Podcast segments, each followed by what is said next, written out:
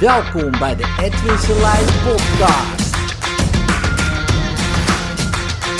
Inspiratie, stimulatie en motivatie om dag goed door te komen. De diepte van hypnose en wat kan je ermee? Welke stadia zijn er? En in welke stadia kan je ehm, bepaalde dingen doen? En in welke stadia niet? Nou, laten we beginnen bij de eerste stadium. En dat is lichte hypnose. Ehm, ik zeg ook wel dat dat de breinactiviteit is van zeg maar alfa. dus uh, in wezen als je je ogen dicht doet en je begint te ontspannen. De staat ook van het mediteren. Ehm, gewoon ontspannen. Een ontspannen staat waarin je ja, wat meer open staat voor suggesties. En ook de breinactiviteit, zeg maar, daalt, nou ja, richting de 14 hertz en steeds meer naar beneden, naar wat dieper alfa. Nou, en hoe meer je ontspannen bent, uh, hoe meer dingen er mogelijk zijn. Hè? Dus je kan wat makkelijker visualiseren, dingen inbeelden. Um, en in die staat kan je ook uh, sneller dingen veranderen. Hè, wanneer je in de beta-staat zit, dus um, ja, je zou dat kunnen zeggen een beetje als de kritische mind. Die staat kompas bij kinderen vanaf een jaar of acht. En dat is wat hoger in de hertz. Dus uh, vanaf 14 hertz tot ja, steeds hoger. Maar op een gegeven moment krijg je zelfs gamma-golven. Maar, um, maar in die, de beta-staat staat ook wel een beetje voor druk, stress en dat soort dingen allemaal. Um, maar je zou hem ook kunnen zeggen als de, de kritische mind. En wanneer je wat meer ontspannen bent, dan ben je wat minder kritisch. En je staat wat meer open voor suggesties. Ik zou niet zeggen dat je niet kritisch bent, helemaal niet, dat, uh, maar wel minder. Ja, dus je, je bent gewoon wat relaxter, uh, er kunnen wat dingen omhoog komen, maar ook uh, bijvoorbeeld bepaalde technieken, hypnose-technieken, NLP-technieken werken gewoon heel goed in die staat. En je ziet dat mensen dat goed, dat goed kunnen, en die hebben ook vaak sneller dan die verandering. Dus dat is de eerste staat, de lichte hypnose. Nou, wij testen die door middel van een eye lock. dus als je je ogen niet meer open krijgt. Dat is voor ons de test voor lichte hypnose. Um, iemand kan dan ook al diepe hypnose zijn. Alleen, ja, dat is weer een andere test. En dus, uh, nou, laten we zeggen, die, de lichte hypnotische staat. Wat kan je ermee? In wezen dat doen we ook in de, in de basisopleiding bij ons. Wij werken eigenlijk, natuurlijk gaan mensen ook in diepe hypnose, maar in, in wezen werken we met technieken die werken in lichte hypnose.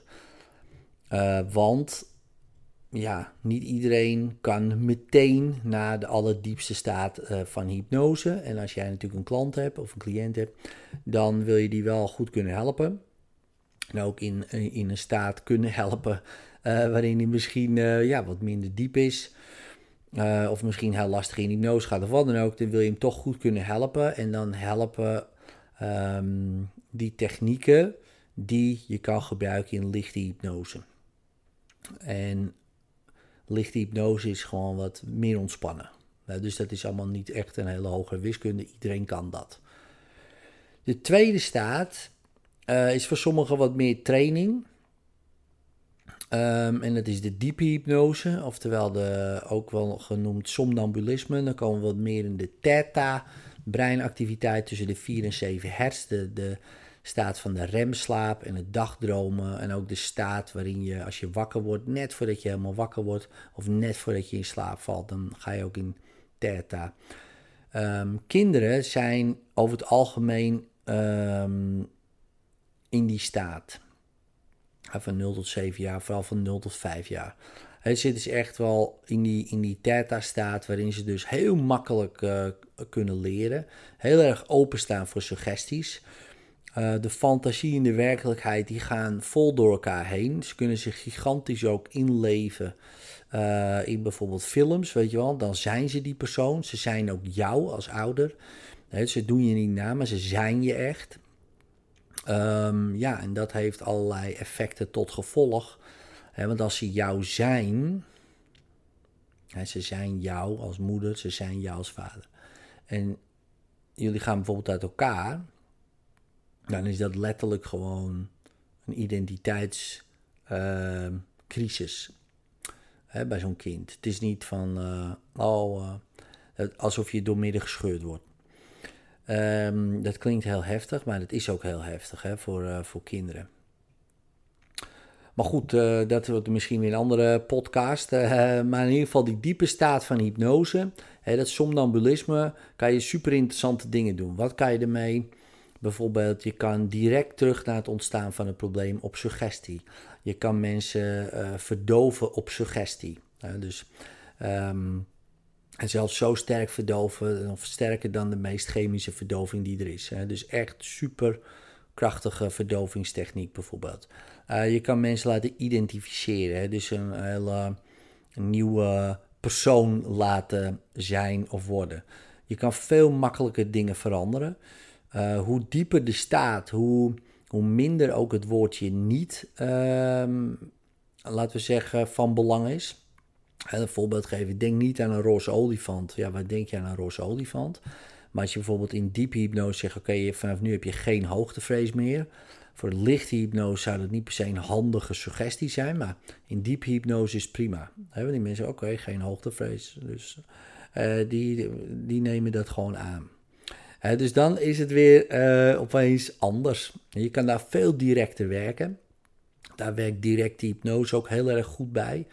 doe dit, doe zus, doe dat. Uh, vanaf nu doe je zus, vanaf nu, nu doe je dit. Uh, dan hoef je allemaal niet hele ingewikkelde taalpatronen te kunnen of te leren.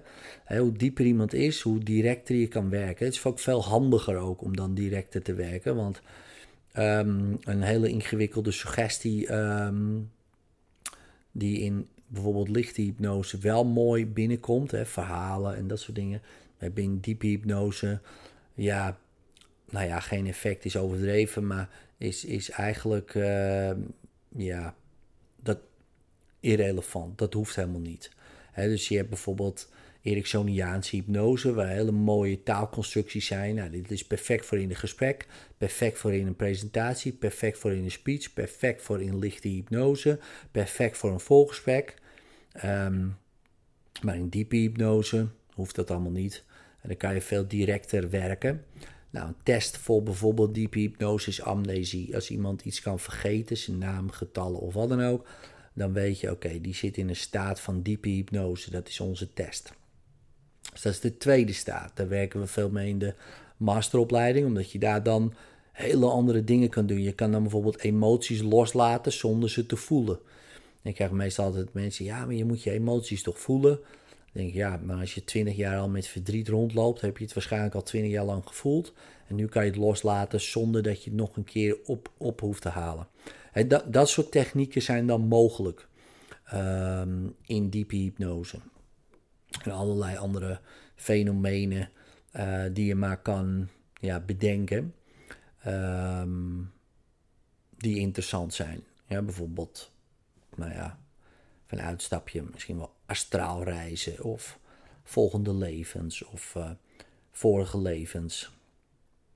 Um, of, nou ja, wat ik al zei, het verdoven, wat ik super interessant vind dat dat uh, kan. Ehm, eh, kleuren zien, paranormale verschijnselen. Ja, dat kan dan allemaal op suggestie uh, bijvoorbeeld gedaan worden. En uh, daar, zijn, dat, dat, daar zijn al heel veel experimenten mee geweest. Maar ook daar valt nog heel veel te halen. Ja, want wat kan je allemaal wel niet beïnvloeden?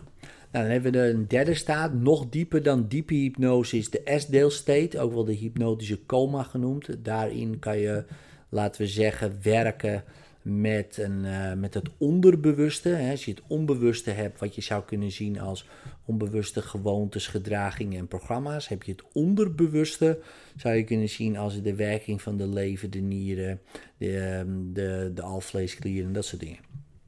Uh, zelfs dat kan je dan uh, beïnvloeden um, en hele interessante dingen mee doen. Dus ik heb een keer iemand geholpen die had een hersentumor, die was verkleefd. Dat was niet operabel. Uh, we hebben daarmee gewerkt in hypnose. Eén sessie gedaan. Gewoon gevraagd naar zijn onderbewuste of hij hem kan laten krimpen. Zodat hij operabel werd. En, en een week daarna kon hij geopereerd worden. En de foto's zeiden van wauw, hij is niet meer verkleefd. Kijk, altijd de vraag van, goh, als hij door had gegaan, had hij dan misschien helemaal weggegaan? Ja, misschien wel, maar dat was niet zijn uh, doel. Dus ook niet mijn doel dan per se. Ja, maar ik, ik denk van wel. Nou, zo zijn, heb ik nog wel meer van die wondertjes mogen meemaken in hypnose. Ja, het lichaam kan zichzelf genezen en helen, geloof ik. Daar ben ik heilig van overtuigd zelfs. Um, maar goed, dan moet hij wel in staat in een staat kunnen komen waarin dat makkelijker kan. En hypnose is zo'n staat. En dat is met die S-deel state is dat heel interessant. De vierde staat is de hypnosleep. En die gebruiken we dan als iemand slaapt, om vanuit de slaap iemand in hypnose te brengen. Nou is dat een staat die, uh, ja, die voor therapiedoeleinden eigenlijk uh, ja, lastig gebruikt kan worden. Maar je kan je voorstellen bijvoorbeeld in een ziekenhuis, op een slaapzaal. Stel je voor iedereen zou dan een mp3'tje krijgen. Uh, waarin hij gehypnotiseerd wordt in zijn slaap. En daarin, wanneer hij in hypnose is, allemaal goede suggesties zou krijgen van zelfheling en zelfgenezing. Ja, dan is die slaapzaal zo leeg. Nou, dat zijn de vier staten. En hoe dieper je gaat, hoe lager de breinactiviteit. Dus in de diepe hypnose heb je de theta-staat van 4 tot 7 hertz. Uh, en diep theta, misschien wel delta. Uh, dan kom je bij de S-deel state of de hypnotische coma. Echt super diepe hypnose. En de hypnosleep, ja, dat is gewoon vanuit slaap uh, iemand in hypnose brengen. Dat zijn de vier staten. Um, nou ja, zou je dat willen leren, dat soort dingen, ja, dan is het goed om een opleiding te volgen. Want je kan er echt hele toffe dingen mee doen bij anderen en bij jezelf. Later.